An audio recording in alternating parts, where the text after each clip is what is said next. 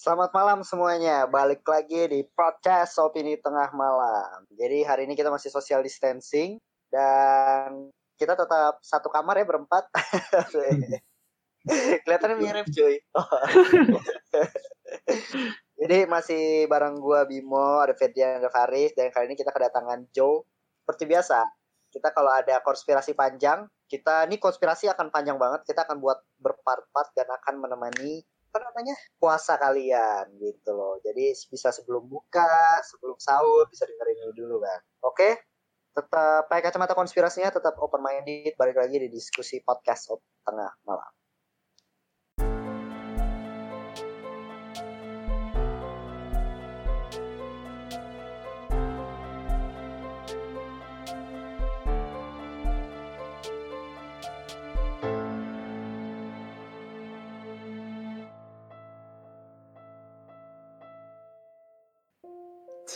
Oke, bagaimana nih kabar pendengar? Seperti biasa, ini adalah podcast yang akan berpart-part, akan panjang banget.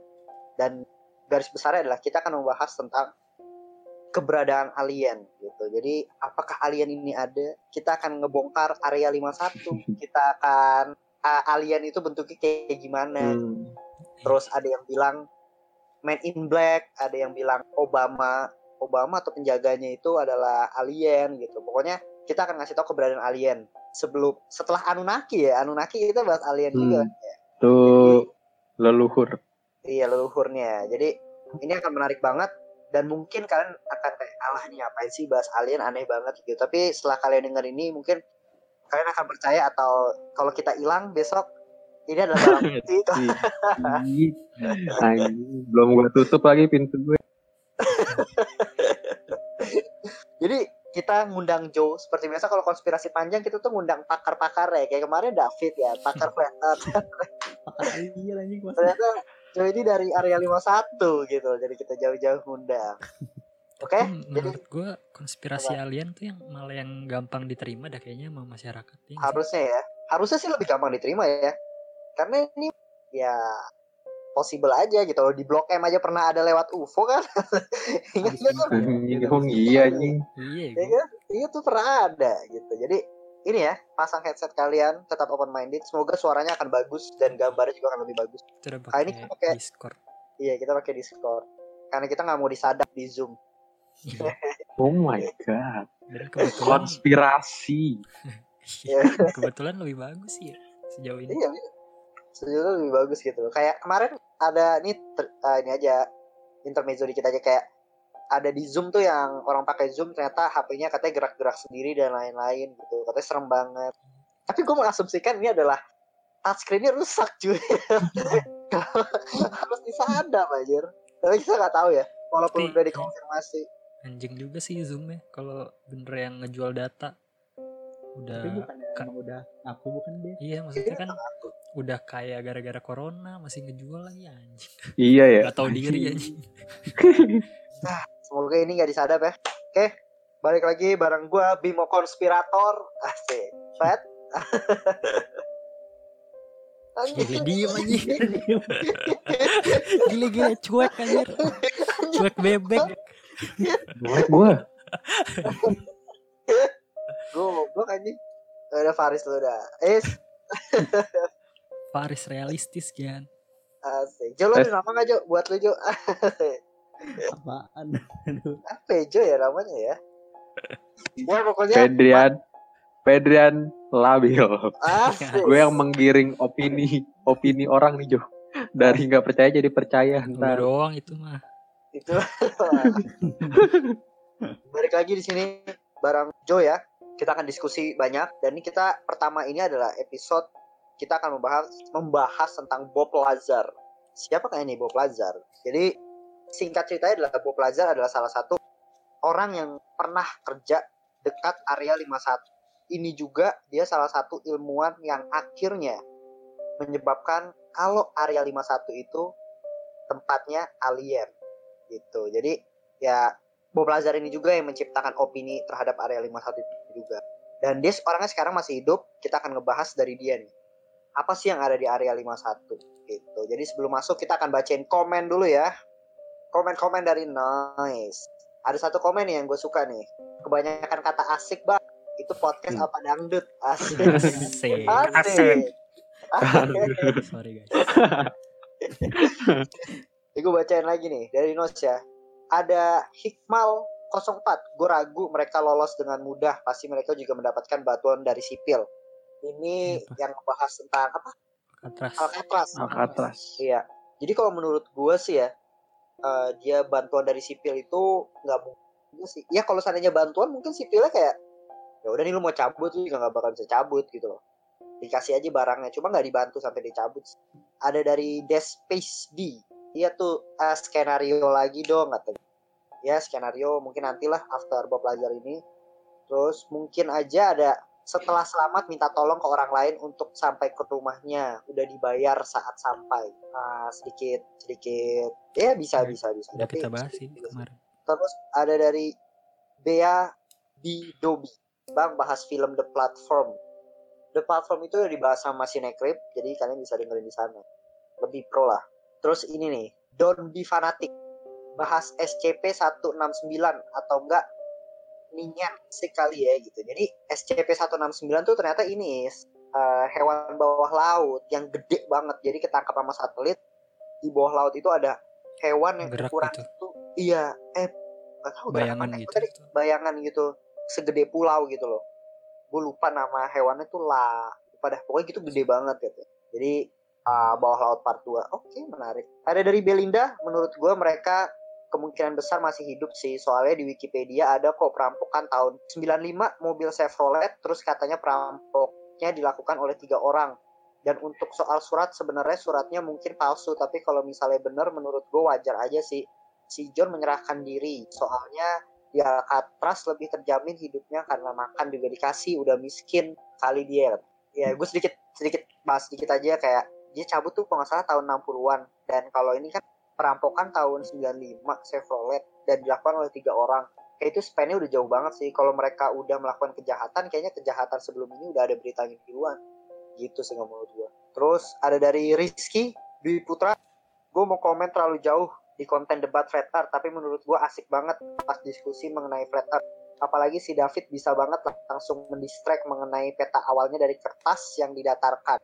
Tapi buat Fedrian anda pertahankan sikap seperti itu ketika diskusi. diskusi mengenai flat art terdengar jadi serius tapi santai karena adanya orang macam Fedian. Pertahankan kojel. Wah, ini teman lu, Bet. Ini teman lu. Oh, ya kan? lu. iya berarti. Atau Siapa lu, tuh? Aji, atau ini lu nih. gitu sih. Jadi ini kurang lebih sama lah kayak flat art. Kita akan ngebahas tentang Bob Lazar ini.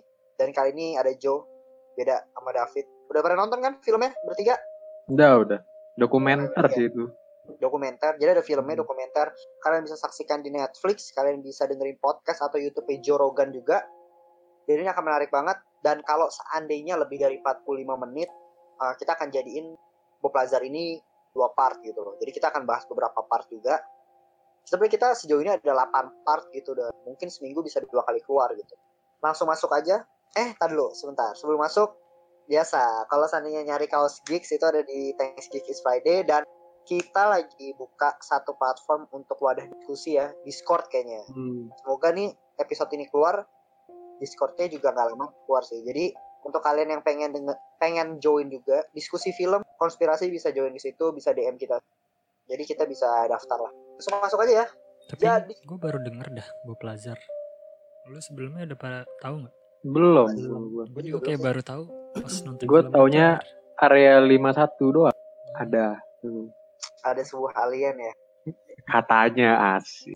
Eh asik lagi. Gimana Jo? Udah pernah udah pernah tahu belum Jo? Mau belajar gue ya baru tahu waktu yang pas lu suruh gue nonton film ini. Baru gue tahu ada Bob Lazar iya kenapa ya? Kayak nggak pernah ketemu gitu di internet sekalipun gue sebenarnya. Tapi iya. gue cari interview dia yang lama nggak ada dah. Iya kayak untung ada film ini gitu. Jadi ke expose lagi gue bener-bener nggak tahu loh ada dia. Kayak bener-bener fresh banget. dan ini juga sebenarnya sih is. Kita nyari di internet pun ya kalau kalian nyari di internet pun untuk mencari tahu informasi tentang Bob Lazar kayak latar belakangnya dia itu susah banget untuk di media yang kredibel ya. Hmm, kalau kan, kayak ini gitu, kan? misalnya kalau di Google kita nge-search keluar sugestinya kan. Hmm. itu aku nge-search Bob Lazar gitu yang keluar dikit banget. Kayak nggak ada iya. sugestinya sama sekali. Kayak susah, sedikit susah. aneh sih. Makanya apakah apakah ini apa ya dibatasi ya? Dibatasi, iya, dibatasi. karena iya kan biasanya kayak apa Bob Lazar terus sugestinya ada ada, ada banyak banget ya. ada Bob Lazar apa ini kayak agak sedikit gitu. Apa dia selalu dia membocorkan satu hal yang menurut gue tuh penting banget sih gitu loh. Apa ya dok? Hal yang yang yang akhirnya menjadi tabu lah. Langsung kita masuk ya. Ini sumbernya biasa dari Wiki kan Wiki yang pasti keluar dari pertama ada dari Indo Crop Circle dari Vice.com dari filmnya Netflix gitu dari wawancaranya bareng Joe Rogan dua setengah jam itu kalian bisa tonton. Jadi buat kalian yang nanya sumbernya kalian bisa uh, cek lah langsung gue masuk aja namanya adalah Bob eh Robert Scott Lazar lahir 26 Januari pada tahun 1956 nah ini ya dia adalah teoritis konspirasi. Putin itu bukan ilmuwan loh. Gue juga nggak ngerti gitu loh. Jadi disebutnya tuh konspirator. Hmm. dia bukan sebuah ilmuwan gitu loh. Dari Amerika yang mengklaim telah bekerja sebagai engineer pada tahun 1980-an di tempat yang bernama S4. Jadi S4 itu adalah satu mungkin laboratorium ya dekat area 51 dia kerja itu di situ. Ia mengklaim bahwa saat ia bekerja sebagai teknisi kapal luar angkasa yang ditemukan Amerika. Jadi Amerika menemukan buah kapal luar angkasa dan bedahlah di S4 itu. Ia mengaku tempat ia bekerja tidak jauh dari fasilitas angkatan udara yang dikenal sebagai Area 51 atau Area 51. Lazar mengklaim menjadi teknisi pesawat alien yang ditenagai oleh elemen 115. Nah ini menarik banget. Jadi sedikit info aja, uh, zamannya si Bob Lazar mengklaim ada yang namanya elemen 115 yaitu bahan bakar untuk pesawat UFO itu kata si Lazar.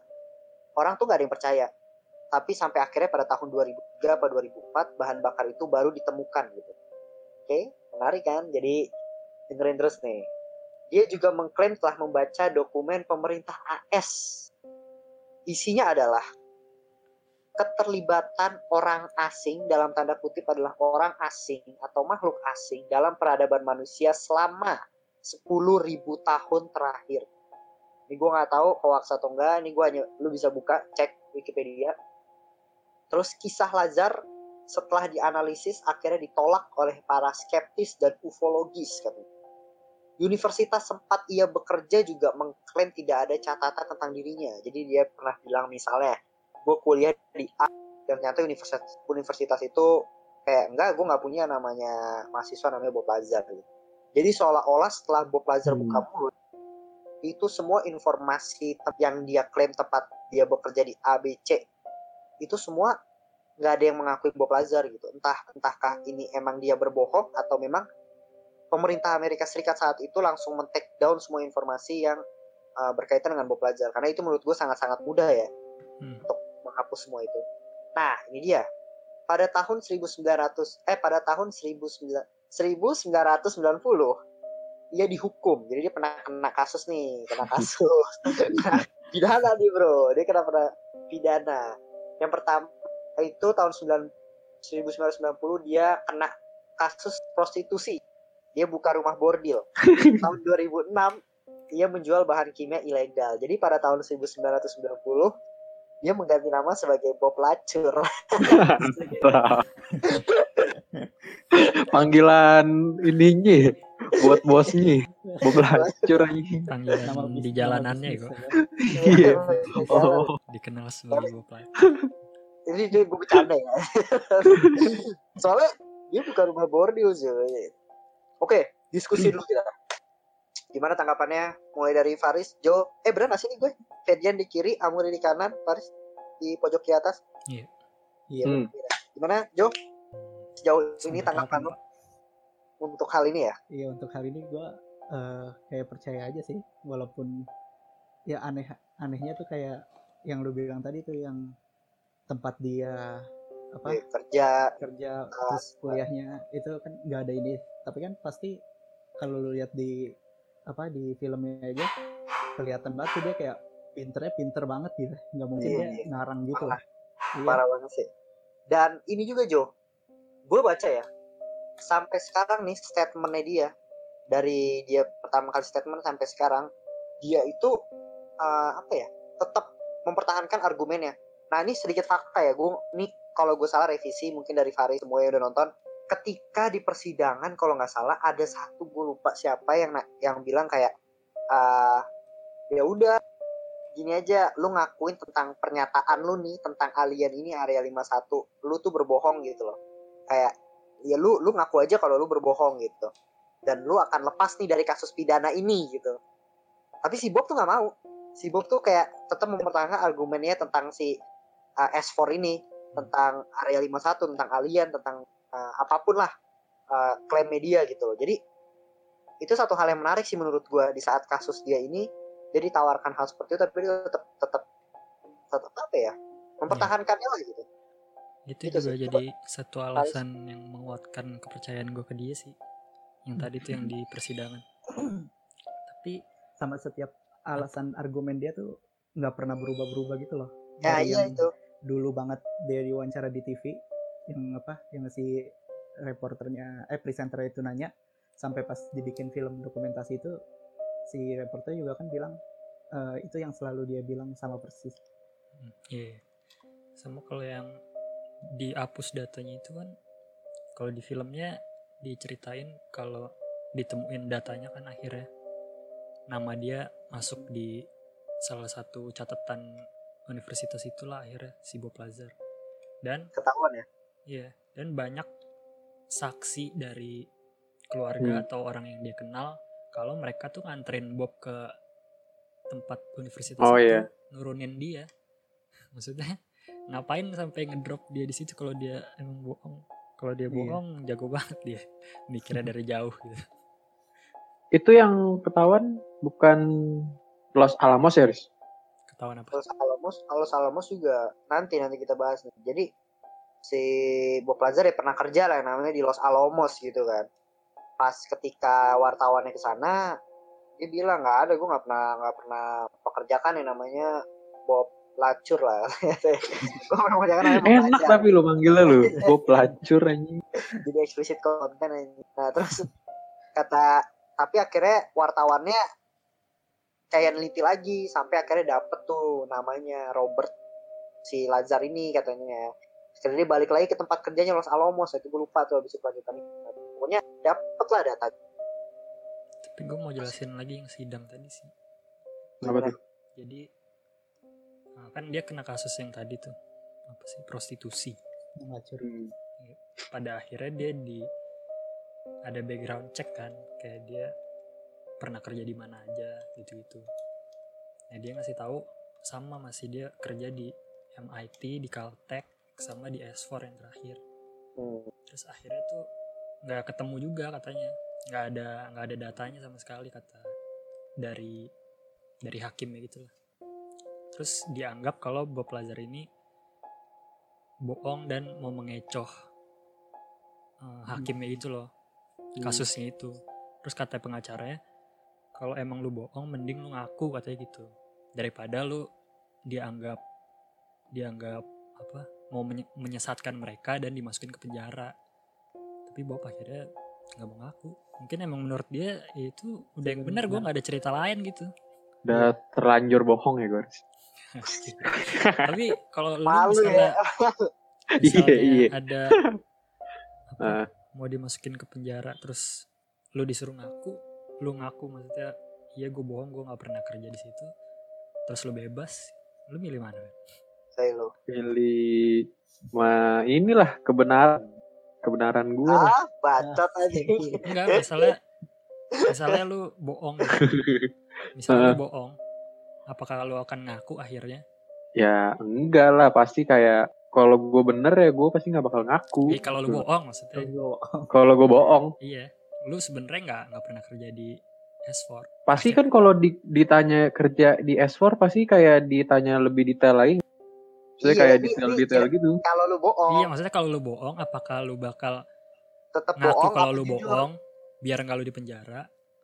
Apa lu bakal tetap oh. tetap tetap apa? Tetap kekeh Oh gitu. Oke, okay, sorry guys. Tetap keke dong sama bohong gue. Gila. Tapi lu masuk penjara loh. Goblok anjing. Masuk penjara.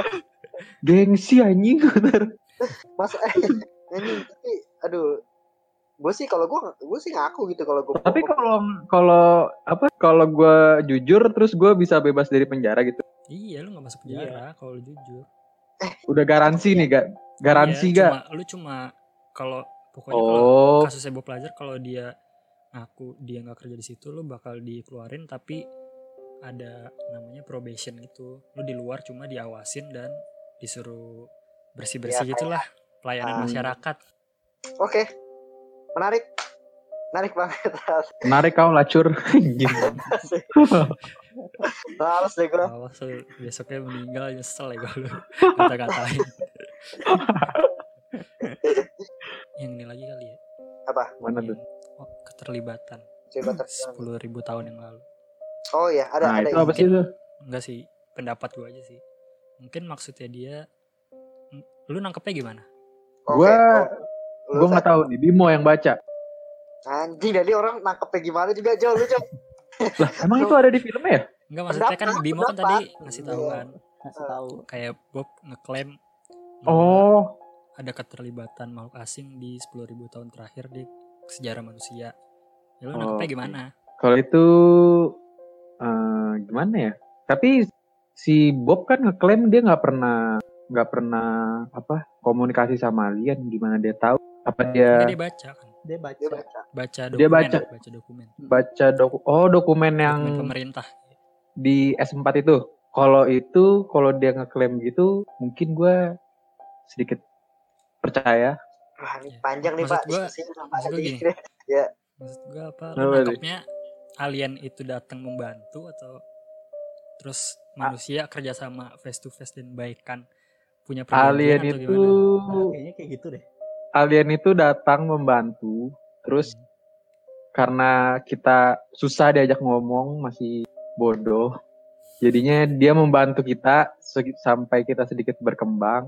Lalu setelah kita bisa diajak komunikasi dia pasti minta imbalan lah. Gue nggak percaya sama alien baik kan oke oke itu ya. Iya. Yeah. kalau dari gue ya alien membantu menurut gue adalah sama aja kayak ngejajah sih. Kayak misalnya Inggris ngejajah Malaysia gitu tapi dalam tanda kutip masih positif nih menurut gua walaupun emang ada negatifnya tapi menurut gua tanda positif gitu. Jadi dia ingin membangun peradaban bumi itu lebih, ya lebih berkembang lah. Karena karena ya pas gua baca ini sedikit masuk akal aja gitu kayak tiba-tiba kita misalnya mungkin kita NASA bisa ke bulan dengan peralatan hmm. yang wow gitu loh ya walaupun manusia mungkin pasti bisa lah gitu tapi ada ada sedikit campur tangan kalau menurut gue karena menurut gue nih ya pas kita nonton Bob Lazar lu pasti tau lah sebetapa canggihnya pesawat alien itu UFO itu bener gak? Yeah. Itu maksud gue ya dia membantu peradaban manusia ini secara sedikit demi sedikit gitu loh dalam tanda kutip ya tujuannya mungkin ya nantinya bisa ya mungkin politik or, or something lah yang tahu emang yang di atas atas gitu. Gimana aja menurut lu kayak Faris punya fakta lagi nanti nih. Sama sih gue juga mikirnya kayak gitu aja sih. Kayak uh, ikut tuh apa? Apa tuh kan Gila ngusir ya. Ngusir. Gak gue kasih. Gak gue kasih itu lagi. Jadi kalau kalian dengerin di podcast tadi ada orang yang masuk ya. Lanjang sih.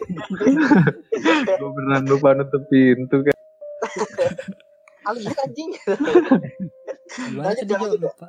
Lanjut lanjut. Ini jadi gue mikirnya kayak ya ikut campur tangannya uh, kalau di gue mikirnya mungkin ada negosiasi untuk uh, kalau buat manusianya untuk perkembangan teknologi atau senjata atau apalah hmm. kalau untuk ke mereka nya nggak tahu juga sih buat apa hmm, iya, mereka iya. bantu juga jadi maksudnya perjanjian formal kesepakatan antara iya, kayak gitu, alien gitu, dan manusia gitu karena pas gue baca agak sedikit ini sih keterlibatannya kan kayak punya banyak arti gitu loh hmm. bisa aja keterlibatan itu yang menurut gue uh, mungkin mereka menemukan teknologi dan mempercepat uh, apa sih perkembangan kita. manusia. iya maksudnya nggak secara kesepakatan gitu loh.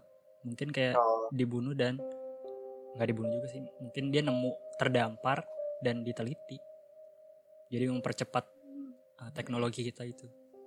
Atau jadi, mungkin gini aliennya jatuh terus saat itu diselamatkan gitu. Akhirnya kayak ya udah eh lu baik ya ternyata gitu nyelamatin gue jadi balas budi ya kan?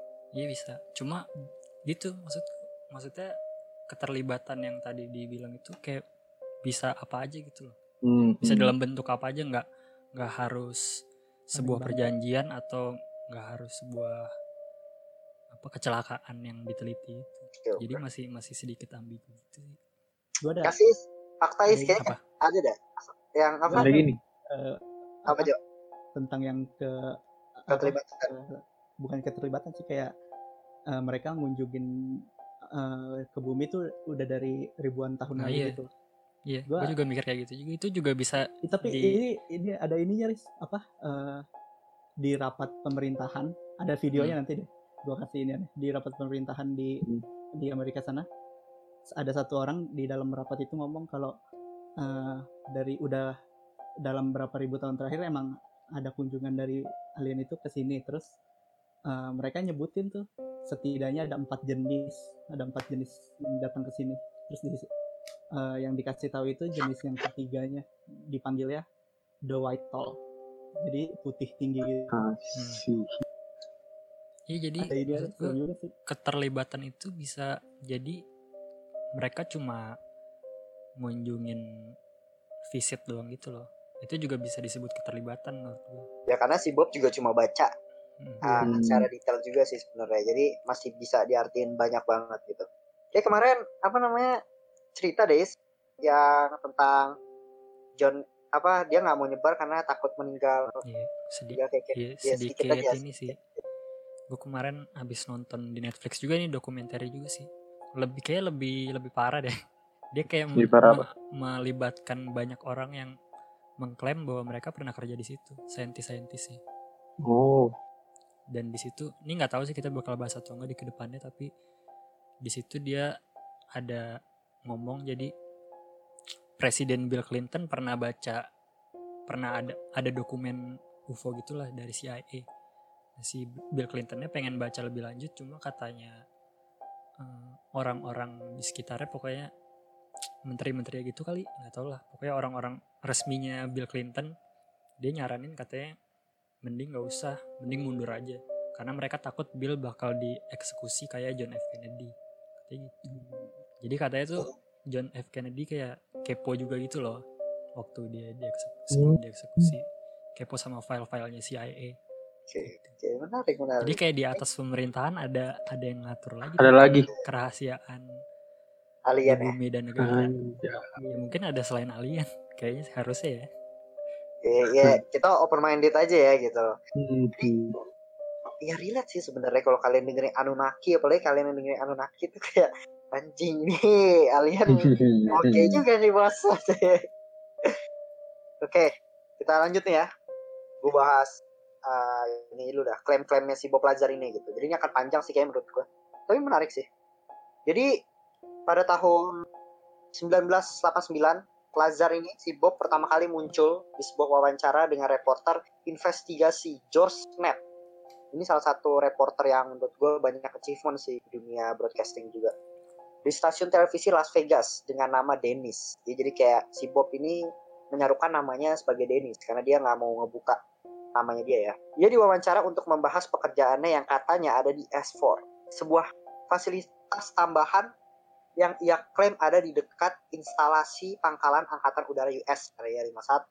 S4 ini sangat tersembunyi agar tidak terlacak satelit gitu. Jadi katanya S4 ini uh, tempatnya itu kayak di antara bukit gitulah jadi nggak kelihatan gitu loh terus ia berada di divisi reverse engineering extraterrestrial technology atau divisi teknik pengembalian jadi uh, garis singkatnya adalah teknologi yang alien atau UFO itu sama Bob di diteliti untuk dibuat duplikatnya mungkin atau rekayasanya gitu loh dipelajari mungkin. Iya, dipelajarin juga sih utamanya dan menyatakan bahwa UFO menggunakan dorongan gelombang gravitasi atau gravity wave propulsion nah lebih ke kimia sih Dan akhirnya pada wawancara berikutnya di bulan November ia tampil tanpa nama Samara.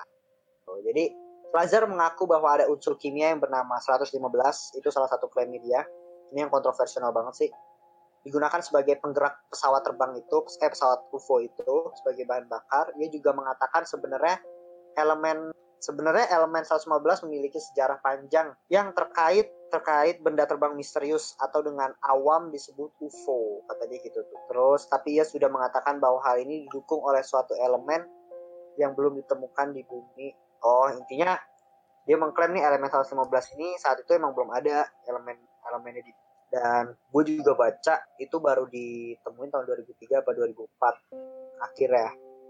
Tuh jadi si Bob udah mengklaim duluan. Dan dia juga kalau masalah si S4 ini ya setahu gue ya ketika dia kan ditanya ya kayak lokasi tepatnya itu di mana dia pun juga kayak katanya kurang tahu karena ketika dia dibawa ke sana tuh kayak bisnya itu semua kayak kacanya tuh tertutup gitu loh jadi dia kayak masuk tuh nggak tahu sebenarnya arahnya ke mana gitu hmm. dan hmm. saat ini sebenarnya yang menarik banget sih jadi ketika itu dia pernah klaim bahwa kata dia masuk S4 itu ini tahun 1980 ya hmm. pakai fingerprint itu yeah. kalau di biasanya kan hmm. fingerprintnya tuh lima jari gitu tapi saat itu orang kayak apaan sih itu loh nggak nggak ada yang percaya lah fingerprint gimana caranya gitu dan gue lupa tepat tahunnya akhirnya ditemuin satu foto dan itu untuk dan dan itu alat itu berada fingerprint itu dan si Bob kayak kaget itu kayak gila lo lo hebat banget tuh bisa nemuin ini gue kayak kayak flashback lagi ke masa ke masa itu mau jelasin dikit yang ini sih di area 51 jadi tempatnya kayak yang tadi dibilang tuh kalau dilihat dari dari satelit oh. dari Google Maps kayak lembah biasa karena emang iya, iya. ditutupinnya yeah, yeah. Kayak di ini lembah di bawahnya tuh baru gedungnya gitu loh. Keren sih ini. dibuat dibuat mirip ya? Iya, biar nggak biar nyaru ya. di bawah lembahnya gitu bawahnya itu iya. keren banget. Katanya juga bangunannya sudutnya miring ya? Bener-bener dipikirin banget ya?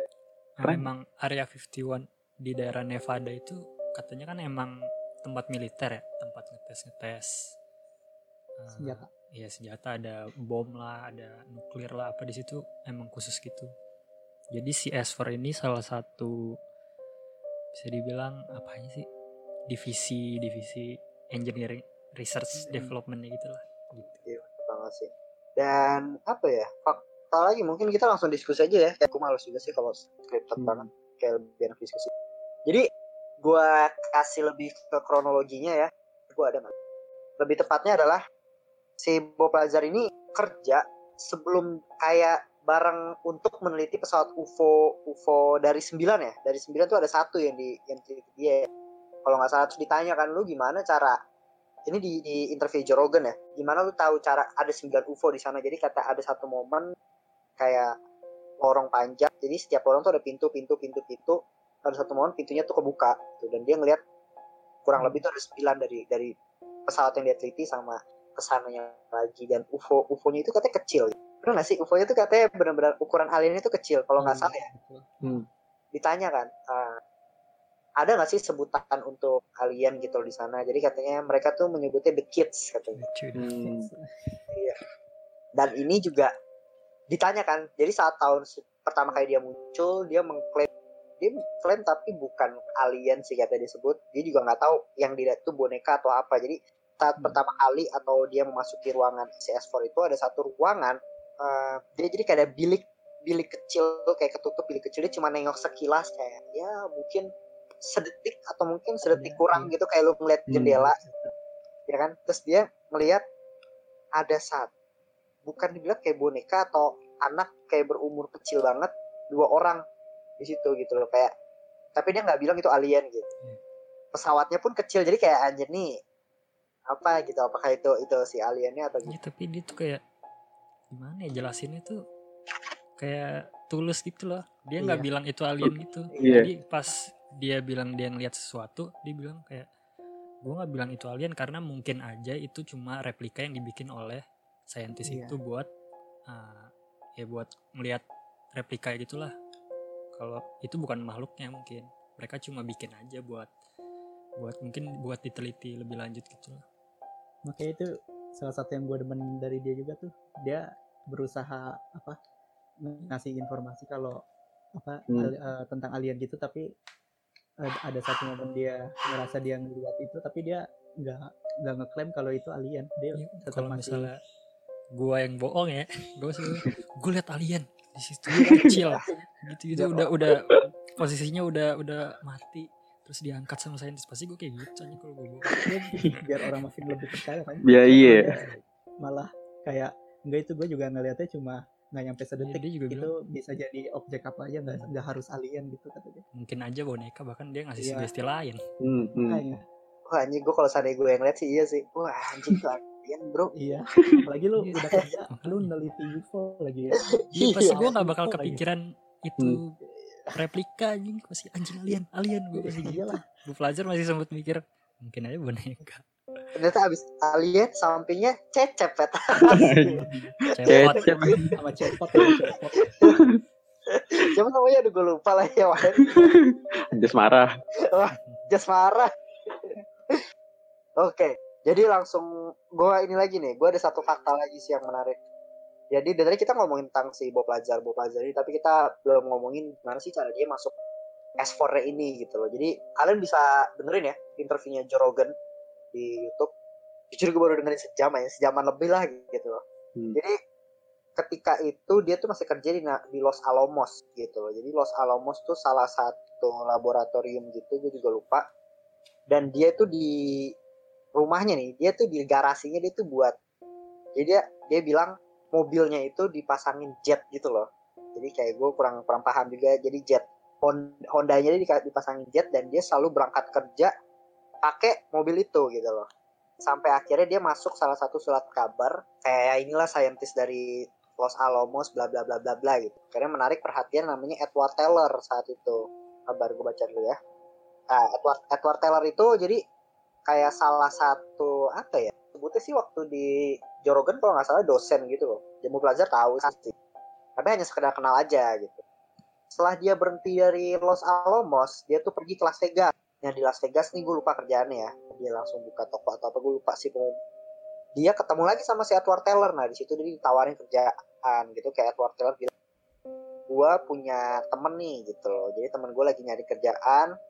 Nggak terlalu dikasih tahu detailnya. Karena dia kayak jadi dia kenapa dia mau? Mungkin lo akan bilang ah goblok nih ngapain mau kerja di yang kerjanya nggak jelas gitu. Jadi ditawarin iming-iming tuh kerjanya kayak gini cuy. Dua minggu kerja dua minggu lu libur. Gila gue lu kalau dikasih kerjaan kayak gitu kayak wah anjing nih Sabi nih kerjaan apa nih? Gitu yang menarik kan. Karena waktunya itu fleksibel banget katanya. Akhirnya si Bob si Bob mau dan ya udah pas dia nyampe sana dia nggak dia nggak terlalu boleh banyak nanya itu yang pertama. Dan yang kedua ya dia langsung suruh neliti aja ini benda apa gitu loh. Awalnya dia excited dia excited banget. Itu dia kalau nggak salah partner dia namanya siapa ya sih Robbie ya? Eh Berry ya? Lupa. Berry apa siapa ya? Gue lupa nama partnernya dia. Nah dia tuh nanya mulu nih ke si Berry itu kalau nggak salah. Sebut aja Berry ya kalau nggak salah ya. Hmm. Berry nama pura-pura iya. Tapi serius dia tuh gue lupa namanya antara Berry atau atau siapa. Dia nanya mulu nih ke Berry tentang tentang si uh, si UFO-nya ini. Dan dia juga dapat info yang kerja sebelum dia itu meninggal gitu. Karena reaktor reaktor yang nggak diketahui. ya, iya meledak gitu. Akhirnya baru si Bob ini yang dipanggil. Gitu. Ya coba gimana kalian tanggapannya? Hmm. ada atau fakta-fakta lain dari si dah. Apa? Hmm? gue tanggapan gue gue sebenarnya mulai excited nontonnya sih pas dia ngegambar pesawat UFO-nya secara detail gitu kayak dia ngejelasinnya terus juga masuk akal sih yang dia ngejelasin pakai bola bowling tuh hmm. terus tangannya ditaruh situ gue mulai mulai jadi kayak wah kayaknya menarik juga nih kalau awal-awal sih gue nonton karena gue tidak gimana ya gue nggak terlalu tertarik sama luar angkasa gitu ya tapi pas buat ini ya pendengar yang hmm. belum tahu yaitu uh, di dokumentasi di Netflix yang Fedian bilang tuh hmm.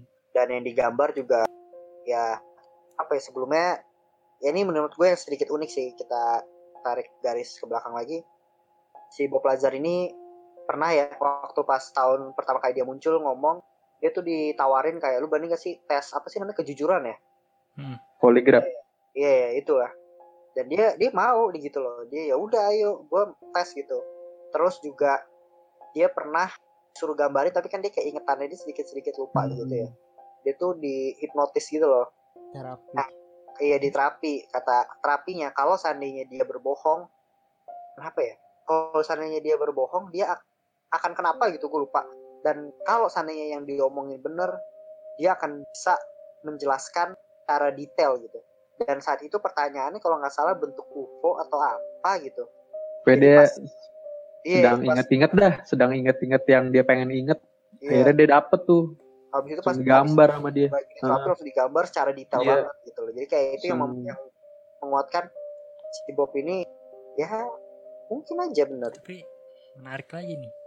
Pas di situ dia kan gambar katanya si apa apa sih namanya kalau itu? Hipnotis yang orang hipnotisnya yeah dia bilang Bob pertama gambar gambar gini kan gambar samping uh. gambar terus iya yeah, oh pertama iya. dia pertama dia bingung ini apaan? Terus tiba-tiba dia oh ternyata di balik kertasnya ternyata bentuk aslinya kayak gini baru dia ingat lagi. Kalau dia bohong kenapa dia harus kebalik gambarnya gitu iya ya harusnya langsung aja ya. Jadi kayak pas itu oh ternyata kebalik bener waktu itu kayak gini deh. Baru nyadar gitu. Kayak detail kecil itu orang bohong kayaknya nggak yeah. bakal nggak bakal iya dah. Kalau kalau misalnya dia bohong ya dia gambar aja. Langsung langsung aja. bener gitu. Yeah. itu dia pakai uh. salah dulu. Itu sih okay. yang bikin Bob Lazar sangat mudah dipercayai. Menarik sih sebenarnya. Dan apa ya dia tuh kerja di S4 ini cuma enam bulan. Nah mungkin kalian bisa jelasin tuh kenapa dia cabut tuh. Hmm. ada. Iya. Tadi belum dijelasin kan ya? Uh, alasan dia pergi dari project ini yang membahayakan nyawa dia nih. Jadi katanya dulu itu pokoknya ada masalah sama ini sih tentang pokoknya ada aturan gitulah kerja sama pemerintah. Nah akhirnya si Bob ini dianggap agak tidak stabil dan dicurigain gitu sama sama orang-orang dari penelitian itu. Ah. akhirnya katanya Bob mulai ngerasa dia diikutin dan hap, uh, apa sih namanya komunikasinya kayak sering disadap gitu loh. Hmm. dia merasa kalau lagi jalan ke mana suka suka diikutin. Akhirnya dia ngerasa takut dan mulai cerita ke temennya gitu nanti misalnya kalau gue tiba-tiba hilang uh, kerjaan gue tuh selama ini gue gini gini gini jadi dikasih tahu gitu loh sebagai bukti ke temennya. Sampai akhirnya temen yang diceritain itu diajak ke tempat dia kerja. Nah akhirnya ketahuan sama uh, orang-orang di situlah orang-orang pemerintahan itu ketahuan akhirnya seingat gue sih dia diinterogasi. Udah diancam segala macem tapi akhirnya dilepasin dan dari situ baru Bob mulai ngerasa agak takut dia ngobrol-ngobrol sama temen-temennya sampai ketemu gue gak tau sih ketemu George Snap George Snap duluan atau apa pokoknya akhirnya dia disuruh untuk uh, dipublikasiin aja ke TV sebagai asuransi jiwa. Jadi kalau misalnya lu bener dibunuh, nah. kita jujur. Jadi Tapi ya, gitu sih. Yang yang Faris bilang tuh ya dan kenapa dia ngomong ke media?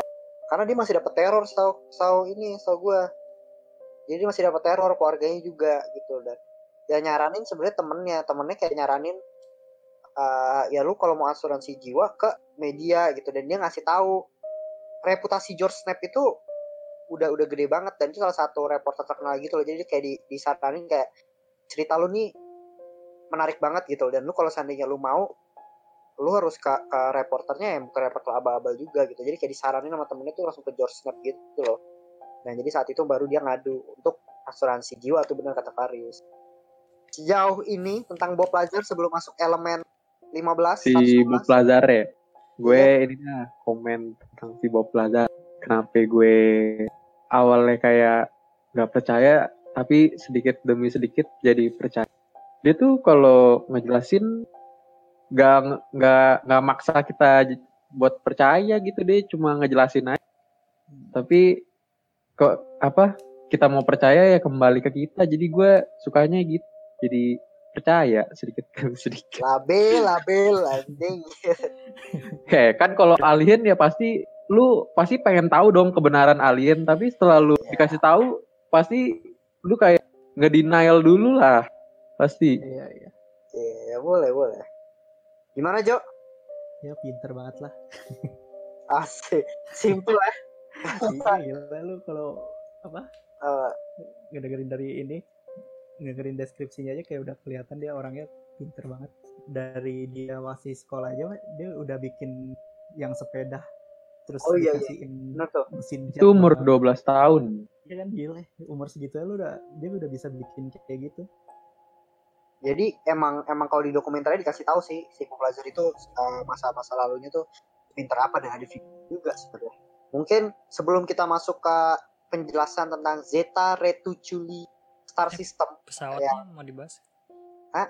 kita Pesawat. masuk part 2 ya di part 2 aja pesawatnya udah hmm. oke ini jadi udah sisa 4 menit kayaknya udah 45 menit juga jadi kita masuk part 2 masih di Bob Lazar gitu by the way ini ada yang komen di di opini tengah malam Muhammad Iqmal baru ya ini Bang, jadi nggak nih bikin forum diskusi konspirasi bareng? Tadi bro. Sabar. Sabar ya. Sabar bos. Langsung gue bacain pas lagi tag ini ya. Oke? Tetap stay tune. Dengerin opini tengah malam. Masih bareng kami ngomongin berpelajar nantinya. Oke? Tetap dengerin terus podcast opini tengah malam ya. Selamat malam.